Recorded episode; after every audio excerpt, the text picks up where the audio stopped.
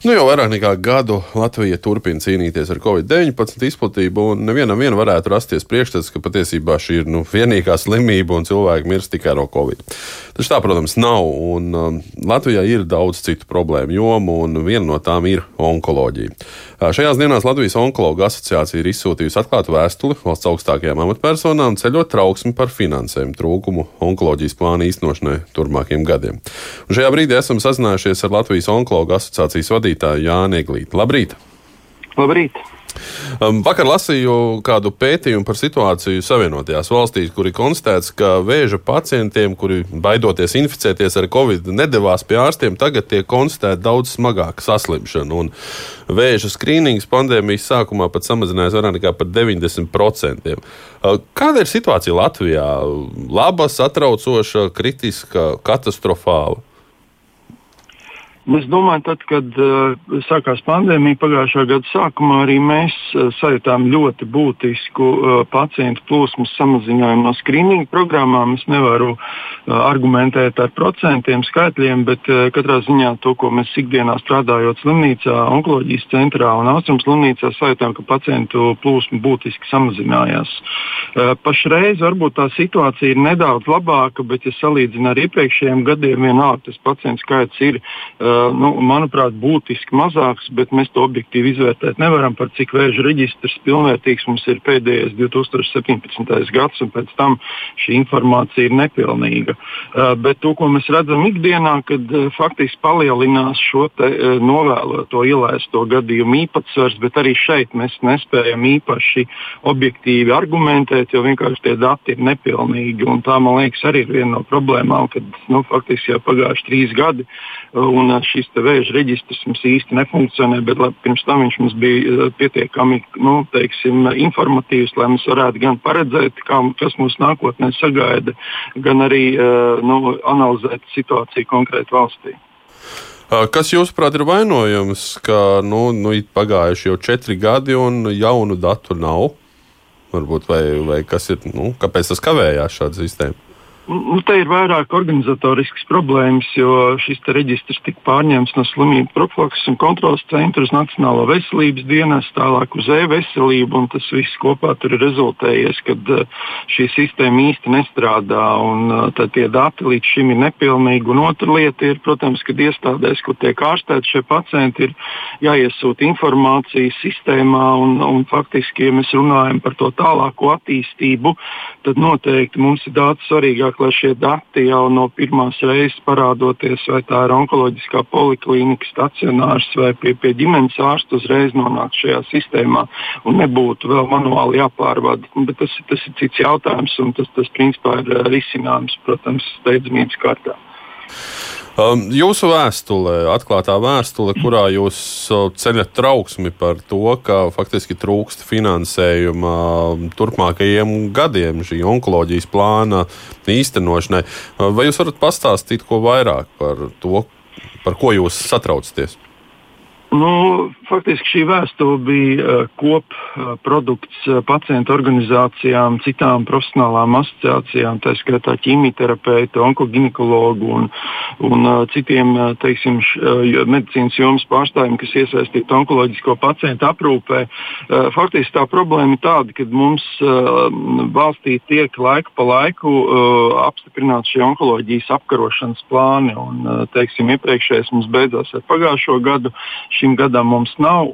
Faktiski tiek noteikti darbs pie nākamā plāna kas būtu 22. un 24. gadam. Un pagājušā gada beigās, pateicoties ministrijas aktivitātēm, mums tiešām bija ļoti produktīvas.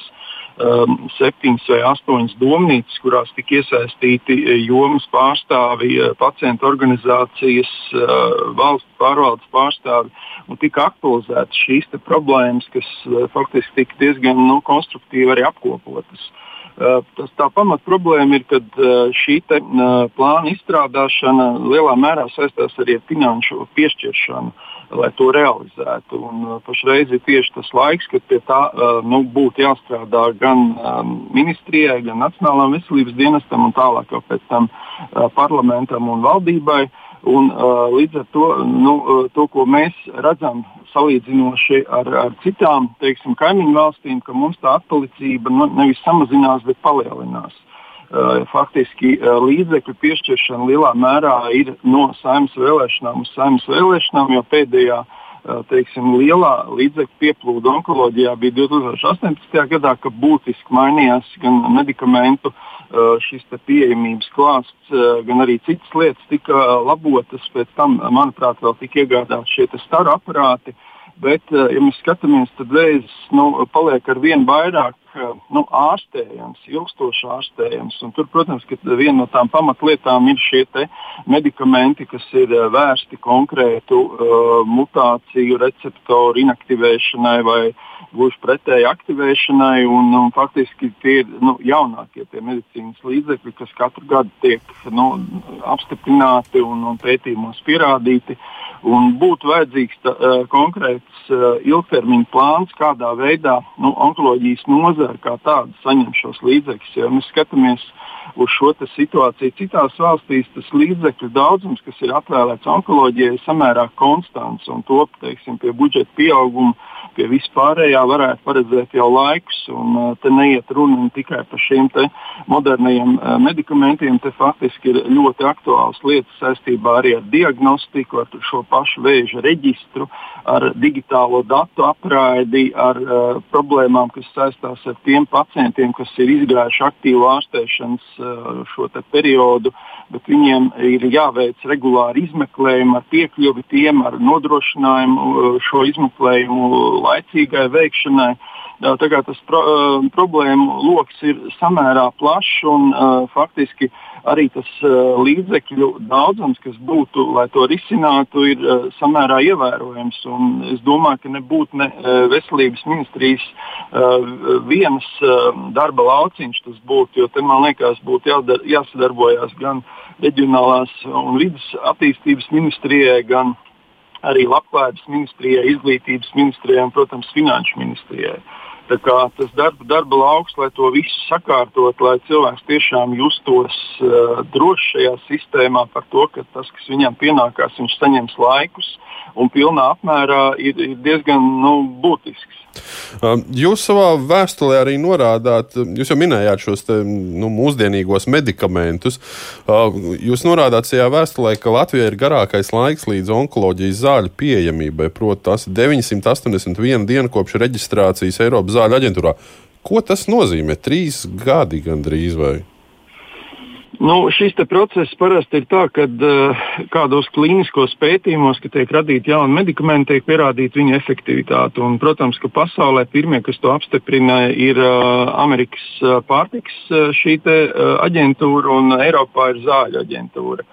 Un uh, pēc tam jau tās kompānijas, kurām ir šie medikamenti, tālāk viņu reģistrē nacionālā līmenī, konkrētajā valstī, bet viņa iekļaušana kompensācijas sarakstā ir atkarīga tīri no finanšu pieejamiem līdzekļiem. Un te arī sākās tā problēma, jo faktiski mums visu laiku iznāk ar nokavēšanos šos preparātus apstiprināt, uh, iekļaut, uh, apmaksāt, tad, kad tas jau nu, faktiski neteiktu, ka nav aktuāli, bet nu, nav vairs uh, pirmā svaiguma jaunums vai aktualitāte citur. Jā, jūs arī šajā vēstulē esat norādījuši, ka salīdzinājumā Dānijā tās ir 86 dienas, mums 981. Jūs runājāt par šo sasaisti starp finansējumu, apstiprināšanu un arī lēmumu pieņemšanu. Vai jūsuprāt, ir pienācīga izpratne nu, augstākajās lē, lē, lēmēju institūcijās par situācijas nopietnību un par nepieciešamību to risināt? Nu, Man gribētos ticēt, ka ir šī sapratne un, un faktiski jā, ir šis smagais gads un iespējams vēl kādu laiku būs diezgan sarežģīta situācija, bet es domāju, neskatoties uz to, ir jārada šis mehānisms, kā to varētu risināt, jo manuprāt, šogad vienīgie papildus līdzekļi, kas tika atvēlēti onkoloģijai, bija saistīti ar šiem tabakas akcijas nodokļu ieņēmumiem. Bet varbūt tāds mehānisms ir jārada ilgtermiņā, lai, lai nu, tiešām varētu plānot gan tos medikamentus, gan laicīgu tehnoloģiju nomaiņu, nevis tad, kad stāra aparāti salūzuši vai nedarbojās. Tāpat tās ir nepieciešams atjaunot šo te operāciju tehnoloģiju klāstu. Un arī faktiski Covid kontekstā nu, tas uzsvers būtu jāliek uz to, lai tiem pacientiem pēc iespējas mazāk būtu jāatrodas stacionāros. Līdz ar to būtu operatīvi jāveic gan izmeklēšana, gan arī varbūt minimāli invazīvas operācijas, kur viņi ātrāk var tikt atgriezties savās dzīves vietās. Tur arī nepieciešams tehnoloģijas, kuras, manuprāt, vajadzētu iegādāties valstī centralizēti. Un noslēgumā es gribētu vēl ne, nelielu varbūt, precizējumu. Šī zaļā koridora sistēma, kā tā ir pēdējā laikā darbojusies, un vai jūs izjūtat nu, šādas sistēmas pozitīvās, negatīvās lietas? Eh, katrā ziņā šis ir, eh, ir nu, ļoti laba lieta, kas tika ieviesta, bet uh, arī tur ir nedaudz problēmas, jo faktiski uh, ne visi pacienti, kuriem ir aizdevums par onkoloģiju, nokļūst zaļajā koridorī. Tie, kas nokļūst tur, faktiski ar šiem izmeklējumiem ir samērā raiti. Uh, bet, kā jau es minēju pašā sākumā, mums ir daudz lielāka sāpe par tiem pacientiem, kas ir izgājuši aktīvu ārstēšanas periodu, kur ir bijušas operācijas, ķīmijterapija, staroterapija atrodas uz pēcārstēšanas novērošanu. Un, bieži vien šīs slimības atkārtošanās vai, vai izplatīšanās ir daudz būtiskāka nekā pirmreizēji atklāts agrīns ļaundabīgs audzējs. Te gan vajadzētu daudz operatīvākai pieejai būt saistībā ar izmeklējumiem un piekļuvi pie speciālistiem. Nu, respektīvi, arī ministrijā pagājušo gadu tika par šo jautājumu domāts un lemts, bet arī te ir vajadzīgi līdzekļi, Un uh, otrs, kas ir izkristalizējies arī šajās domnīcās, kad ir ļoti liela problēma cilvēku resursiem visos līmeņos. Es nerunāju tikai par onkoloģiju, bet vispār medicīnu. Un, un tas arī būtu jārisina, jo pretējā gadījumā Jā. jau pašreiz uh, cilvēki iet uz diezgan lielu šo izsīkumu robežu, gan saistībā ar Covid uh, šo pandēmijas kontekstu, gan arī uh, nu, onkoloģija kā tāda ir uh, psiholoģiski smaga nozara, kurā Jā. jāstrādā. Tā kā te arī ne tikai nauda vajadzīga medikamentiem, bet jāplāno cilvēku resursi, jāplāno varbūt vietas, kur uh, nākotnē var sniegt šo palīdzību, Jā. varbūt tuvāk dzīves vietām.